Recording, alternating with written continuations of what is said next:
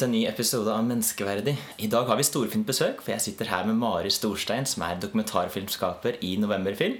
Eh, Og du er aktuell med premiere i TV-serien Søsken på TV2 denne onsdagen. Først, velkommen, Mari. Takk, takk. Og vi skal snart prate litt mer om selve serien. Eh, Men først har vi egentlig lyst til å vite litt mer om deg. Hvor er det du kommer fra? Har du alltid visst at det var dokumentarfilmskaper du hadde lyst til å være? Eh, nei, jeg kommer fra Oslo.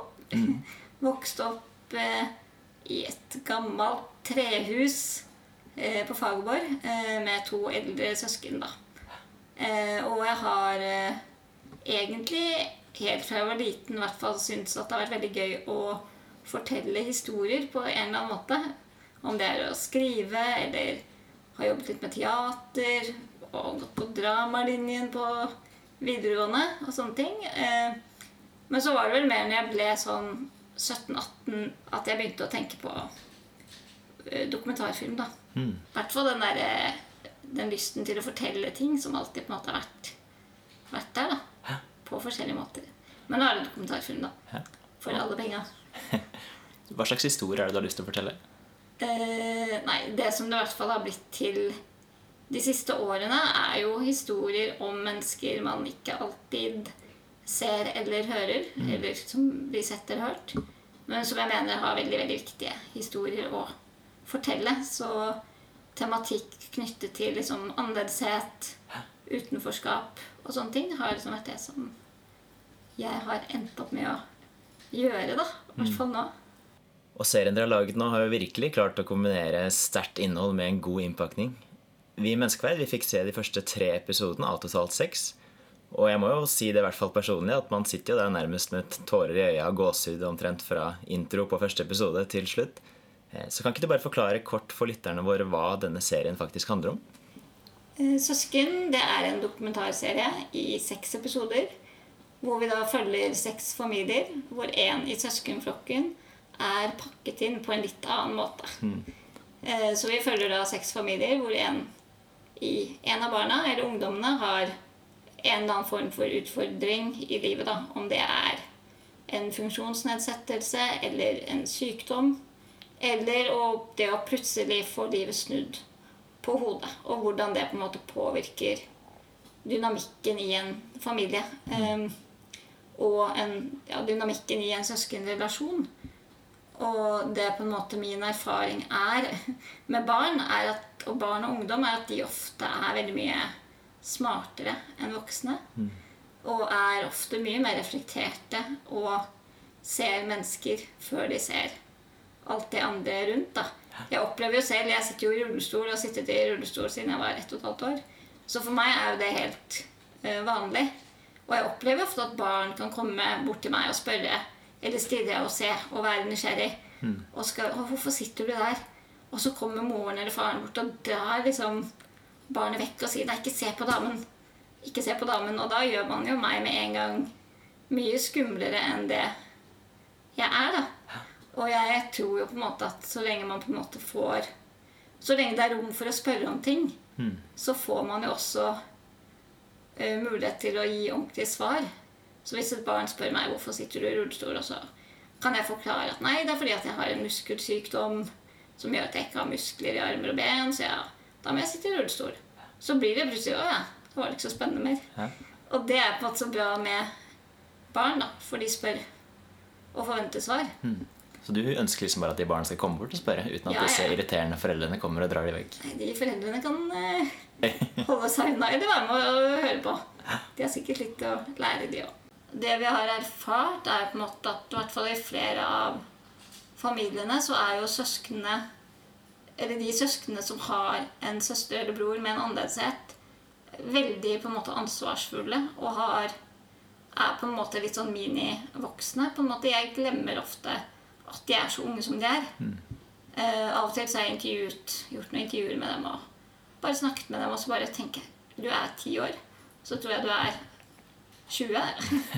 uh, og også det at det er veldig sånn familier eh, Det som også er ganske gjennomgående, er at det er veldig sånn raushet og åpenhet i familiene. Og det har jeg på en måte erfaring fra selv. Og siden det er jo ofte sånn når man har en funksjonsnedsettelse, f.eks. det å sitte i rullestol, da, så er det jo det at det er vanskelig å komme inn til alle venner og overalt pga. dårlig tilrettelegging og sånne ting, at da har ofte vårt hjem vært et veldig sånn åpent hjem. Og det merker jeg i de familiene vi også er i, at det er alltid venner på besøk og masse gøyale ting å gjøre. At hjemmet på en måte skal være et gøy sted å være. Både for søsknene, men også for venner. At det er rause og åpne hjem. da. Når du ser den serien her, og så ser du på de familiene og Det er jo det er på ingen måte et glansbilde, men allikevel, når du sitter og ser på de familiene, så er det liksom bare wow. Eh, For eksempel så har du disse brødrene, hvor du har Markus på 13 og Martin på 10. Eh, og Markus han liksom bare står opp for sin lillebror, som har både Downs syndrom og kreft, og bare gjør alt det han kan for at eh, lille Martin skal ha det bra. Eh, og til og med bruker en time hver eneste kveld for at eh, han rett og slett bare skal få fred til å sove. Og bare overøse broren sin virkelig med helt betingelsesløs kjærlighet. Da. Selv om han fremdeles bare er et barn på 13 år. Det, det flyr jo nesten en hus forbi etter hvert. Ja, det er jo, Markus og Martin er jo helt eh, fantastiske. Eh, det er jo også noe med det med annerledeshet. Det der med Martin har jo, han har jo Downs i utgangspunktet. Det er jo liksom, men det er familien helt vant til, for det, det er jo på en måte blitt normalt. Mm. men så kommer jo på en måte kreften oppå alt. Og det er jo det som på en måte er historien i serien til Martin og Markus, er jo det ikke så mye fokus på hvordan det er å ha en bror med Downs, men hvordan det er å ha en bror som har kreft. Um, og hvordan det er hele den prosessen om hvordan det kommer til å gå. Å leve med en sånn frykt for at broren din kan bli enda dårligere, og i hvert fall dø. Det er jo på en måte noe ingen barn burde oppleve. Eh, men man opplever veldig i de familiene en sånn enorm Eller jeg blir bare så imponert over mennesker. jeg. Hvordan man klarer å på en måte i en sånn situasjon som man ikke selv kan skjønne hvordan folk klarer å være i. Og så klarer man på en måte å gjøre det til en hverdag, da. Og det at Markus, da, som du sier, legger seg hver kveld med Martin, det viser jo også det at det er ikke bare et glansbilde. Det er masse utfordringer og masse som er vanskelig knyttet til det også å ha en søsken eller en søster eller bror med en annerledeshet. Så vi ønsker jo på en måte ikke å kun vise solskinnshistorien og dette er bare fryd og gammen, for det er det jo ikke. Vi viser begge sidene da, av livet. Men det er jo også det som gjør det så sterkt, at du blir med på både oppturer og nedturer. I løpet av en episode så er du gjennom en liten berg- og dalbane av både gleder og sorger. Et annet av søskenparene er jo tvillingene Martine og Linnea. Hvor Linnea har en slags eh, muskelsykdom og sitter i rullestol. Og bare Martine plutselig finner ut en dag at hun skal stå foran hele skolen. Til tross for at hun egentlig har litt sceneskrekk og nærmest hyperventilerer når hun skal opp dit. Bare fordi hun ønsker å fortelle til alle at søstera hennes nei, hun har like høy verdi, og eh, at de ikke minst må ta seg av henne og behandle henne som hun, som hun var akkurat som en av de andre. Ja, Det er jo en av de situasjonene hvor man på en måte glemmer at Martine da var ti år. Eh, hvor man liksom tar det Hvor bakgrunnen er jo litt at Linnea har opplevd litt at ikke alle forstår hvorfor hun sitter i rullestol, og litt sånn utfordringer knyttet til det. da, eh, Hvor da søsteren bestemmer seg for at hun skal gå foran klassen og fortelle at Linné er like mye verdt da, som alle andre, og man skal ikke behandle henne annerledes. Og det er jo helt sånn ekstrem sånn kjærlighetserklæring, da, tenker jeg, til søsteren. Men så går vi også da innom i, i andre episoder det der med søskenkrangel. At de er jo også som alle andre søsken som på en måte også har de derre Kan jo på en måte irritere seg ekstremt over hverandre i det ene øyeblikket, for så bare i neste øyeblikk så er man helt avhengig av hverandre og elsker hverandre overalt på jord. da. Men det er det er som de søsken. Det er jo lov å være der, som det merker jeg med søstre. Og jeg har jo en storesøster og en storebror. Jeg kan jo være kjempesur på dem og si masse stygt til dem. Men ingen andre får gjøre det. Jeg kan si hva jeg vil om Silje og Aksel og til dem hvis noen andre sier sånn at broren min eller søsteren min er teit. Da kicker jo det derre søsterinstinktet inn, da. At man kan snakke stygt selv, men ikke hvis noen andre gjør det. Da, da er det ikke ok.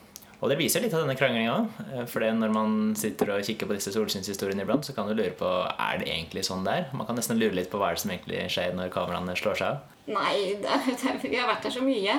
Vi har, ja, det er jo jeg og min kjæreste, faktisk, Thomas, som eh, har hatt eh, regi og foto på serien. Og det har vært veldig fint òg, fordi det er på en måte det eneste vi har gjort de siste to årene. Så da har det vært veldig lett å bare pakke kamerabagen og dra. Eh, hvis man plutselig får en telefon fra en av familiene om at nå er det noe som skjer som dere burde filme. Eh, at man har på en måte hele disse to årene vært veldig tilgjengelig. Da, og også vært ekstremt mye hos mange av familiene for å få de øyeblikkene Eller at de skal bli så lei av at vi er der nesten at man glemmer kameraet, da. Eh, så egentlig så er det veldig lite forskjell på kamera av og på. Nå aner jeg ikke hvordan det er når vi ikke er her, da, men jeg har fått hørt fra foreldrene at det er ganske, ganske likt. For det kommer virkelig sånn tett på. Altså Iblant så glemmer du nærmest at kameraet er der. Du bare kjenner deg som en sånn flytende sky i en helt vanlig familiesituasjon. Du må jo ha veldig godt lag med mennesker som i det hele tatt får lov til å komme sånn her. Håper, håper, håper det, da. Nei, det, er, det handler jo om liksom tillit og uh, det at vi hele veien Det er jo noe veldig sånn Det å filme barn er jo uh, Stiller jo mange sånne etiske spørsmål, på en måte. Men det å alltid ha veldig god dialog med foreldre og med barna hvorfor vi filmer, hva vi skal filme. De har fått sett gjennom alt, alle episodene og fått mulighet til å komme med innspill. Eh, så det har på en måte alltid vært den tryggheten der for dem at ingenting blir vist uten at de har sagt ja. Og så har det sikkert også litt, tror jeg i hvert fall for noen av dem, litt å si at jeg har en annerledeshet selv og har på en måte erfaring. Det er ikke noen som kommer helt utenfra Mm. og ikke vet noen ting om hva det vil si. Jeg har på en måte erfaring selv fra eh, tematikken. Eh, så det tror jeg også har hjulpet til å gjøre det mindre liksom, skummelt. Så som du sier, du har også en annerledeshet, eller ja, pakket inn på en annen måte, som de sier så fint i, fint i serien. Eh, merker du at serien kanskje speiler litt av din egen barndom? Ja, Og det er i hvert fall noen av de som har sett det, av søsken og familie og sånn, sier at det er jo noen likhetstrekk. At man kjenner jo igjen noe fra oss selv. Var, dere, var Silje og Aksel like omsorgsfulle for deg? for å si det sånn? Nei. Jo da. Nei, vi, av og til kan jeg se på f.eks. Ja, Linnea og Martine, da, som er jo, som du vi snakket om i stad, med denne kjærligheten eh, til hverandre. Eh, så kan jeg tenke sånn jeg, jeg er ikke like hyggelig mot dem, tenker jeg. Jeg må være mer hyggelig mot Silje og Aksel. Nei da, vi er veldig hyggelige mot hverandre, vi òg. Men vi gir hverandre ikke masse kjærlighetserklæringer hver dag. Men vi gjør det kanskje på andre måter. Ja. Broren min har også jobbet på serien. Mm. Han er produsent. For det, det er sikkert ganske vanskelig å la dette her bare bli en jobb, kan du si. Man, du blir vel antakeligvis litt revet med episodene. Har det vært mye, mye smil og mye tårer i innspillinga? Altså, jeg er en veldig sånn emosjonell type selv. Så jeg blir jo veldig påvirket av alt man opplever. Eh, på godt og på vondt. Eh, så det blir jo ikke det er jo ikke en sånn 9-4-jobb. Det er jo, De siste to årene har jo på en måte vært preget av kun søsken. Så det er ikke sånn at når man drar fra jobb, så er man ferdig. Eh, eh, så det er jo veldig mye moro, men også av og til selvfølgelig trist. Det å være med Martin som har vært så syk i denne perioden, er jo utrolig kjempetrist. Å se Markus, hvordan liksom en så ung bror takler det å ha en lillebror som er så syk. Det er jo en utrolig trist tematikk. Så det er jo på en måte hele tiden det der å Som vi også har tenkt når vi har jobbet med serien, da, at man kan vi kan ikke bare ha med de triste og vonde tingene, for det er det ingen som orker å se på. Det hadde jeg ikke orket selv, i hvert fall. Så vi har alltid tenkt at vi må ha en sånn lett, lett, tung eh, struktur på en måte i hver episode. At vi må ha en overvekt av moro og glede og varme og litt mindre trist, da. Vi prøvde i starten å ha litt mer trist i noen av episodene, og da ble alle bare helt utslitt. Det ble for mye. Så, men det er jo også det å vise, vise det at i en veldig tilsynelatende trist eh, hverdag, så er jo hverdagen fortsatt der. Og livet må jo på en måte fortsette eh, å gå videre selv om noe er veldig tungt, og selv om man lever med en sånn frykt for at livet kan endres fra en dag til en annen. Eh, så er det en sånn enorm styrke man ser hos de foreldrene og de søsknene vi har vært med, hvordan man klarer å på en måte opprettholde en hverdag og et liv i en egentlig en ganske dramatisk situasjon. da. Mm. Og det er jo tror jeg kan være fint for mange å, mange å se. Og litt sånn som jeg tenker er sånn hovedmålet med, med serien, er jo nettopp det å Ufarliggjøring, da. Ufarliggjøre det som er annerledes. Og gjøre liksom det skillet mellom oss og de andre forhåpentligvis litt mindre, da. Og da handler det jo om identifisering, og bli kjent med og bli glad i disse menneskene. Eh, og vise at Altså, jeg er jo litt sånn motstander å bruke begrep som spesielle behov. For man snakker jo ofte om mennesker, og om meg, som et, en person med spesielle behov. Men mine behov er jo akkurat de samme som alle andres behov. Jeg har behov for å bli sett, å bli forstått, å bli elsket, å bli anerkjent, å bli, realisere meg selv. Og behov for å spise og drikke alle de vanlige tingene. Behov for å ha det gøy, behov for å kunne bruke meg selv. Og de behovene er ikke noe spesielle. Men jeg trenger jo en spesiell tilrettelegging eh, og spesielle eller nye andre verktøy for å få dekket mine behov. da. Og det tenker jeg er en så viktig skille. At disse barna er jo ikke nødvendigvis barn med spesielle behov. Det er man har behov som alle andre barn. Og så trenger man kanskje litt andre verktøy og litt andre virkemidler for å få dekket behovene sine. da. Og det er to forskjellige ting. Det kan du si. Uten å bli veldig personlig, så er jeg jo selv en autistisk bror Ja. som eh, var fire år eldre enn meg da jeg ble født. Men jeg ble jo på en måte nesten storebror i en alder av ett år. Og det ble en veldig annerledes oppvekst, naturligvis. Og iblant så spør på en måte moren min om skulle du ikke ønske at ting var annerledes. Skulle du ikke ønske at du fikk en såkalt normal oppvekst. Men det er jo sånn når man vokser opp at du får gjerne bare én mulighet. Og så, ja, men hvis man er fornøyd med den oppveksten man har hatt, så har man liksom ikke opplevd så mange alternativ. Mm. så ting blir gjerne annerledes, men man, eh, vi mennesker er utrolig tilpasningsdyktige, så vi, vi lærer oss å sette pris på eh, nærmest hvilken den situasjonen vi er i. Det er veldig sant. Og det ser man også veldig godt med eller hos barn, da, hvor gode de er på det. Å tilpasse seg. Og liksom, ja, som Martine sier, at hun er ikke, annerledes, det er ikke annerledes, hun har bare pakket inn på en annen måte. Det var jo noe av det første hun sa når vi møtte, møtte det, eller filmet dem for første gang. Og da ble jeg bare sånn Åh, der har vi Det er det det handler om. Og det kommer fra en da niåring. Da tenkte jeg at dette kommer til å bli fint. Ja. Eh, Sånn helt til slutt, altså I menneskeverd så er vi ganske bekymra for det som vi gjerne ofte kaller for eh, sorteringssamfunnet. Altså Mens det er noen mennesker der ute som ser for seg dette perfekte samfunnet hvor alle skal passe inn i en slags sånn A4-standard, eh, så er vi veldig bekymra for det, hva som kan skje da, når vi nærmest implisitt begynner å knytte menneskets verdi ikke til bare det å være menneske, ikke til bare det å være, men til visse typer egenskaper, til visse typer funksjonsnivå eller nytteverdi. Denne serien kan jo anses som et slags sånn innlegg i den debatten, som har pågått ganske heftig de siste par årene. Eh, Hva er dine tanker om det?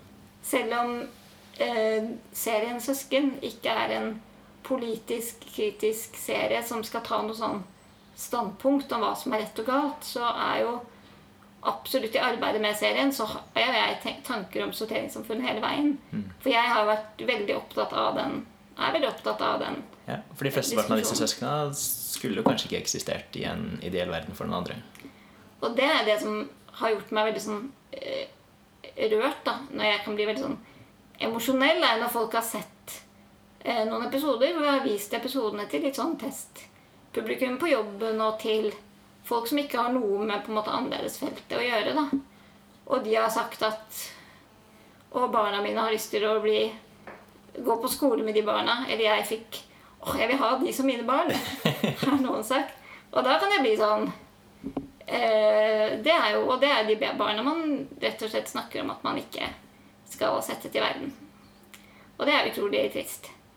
Eh, og jeg tenker jo også at når man åpner opp for et sorteringssamfunn hvor alt og alle skal passes inn i denne bitte lille malen av hva som er normalt, så blir jo alt Har man liksom en bitte liten ting som avviker fra det? Eller hvor skal grensen gå, da?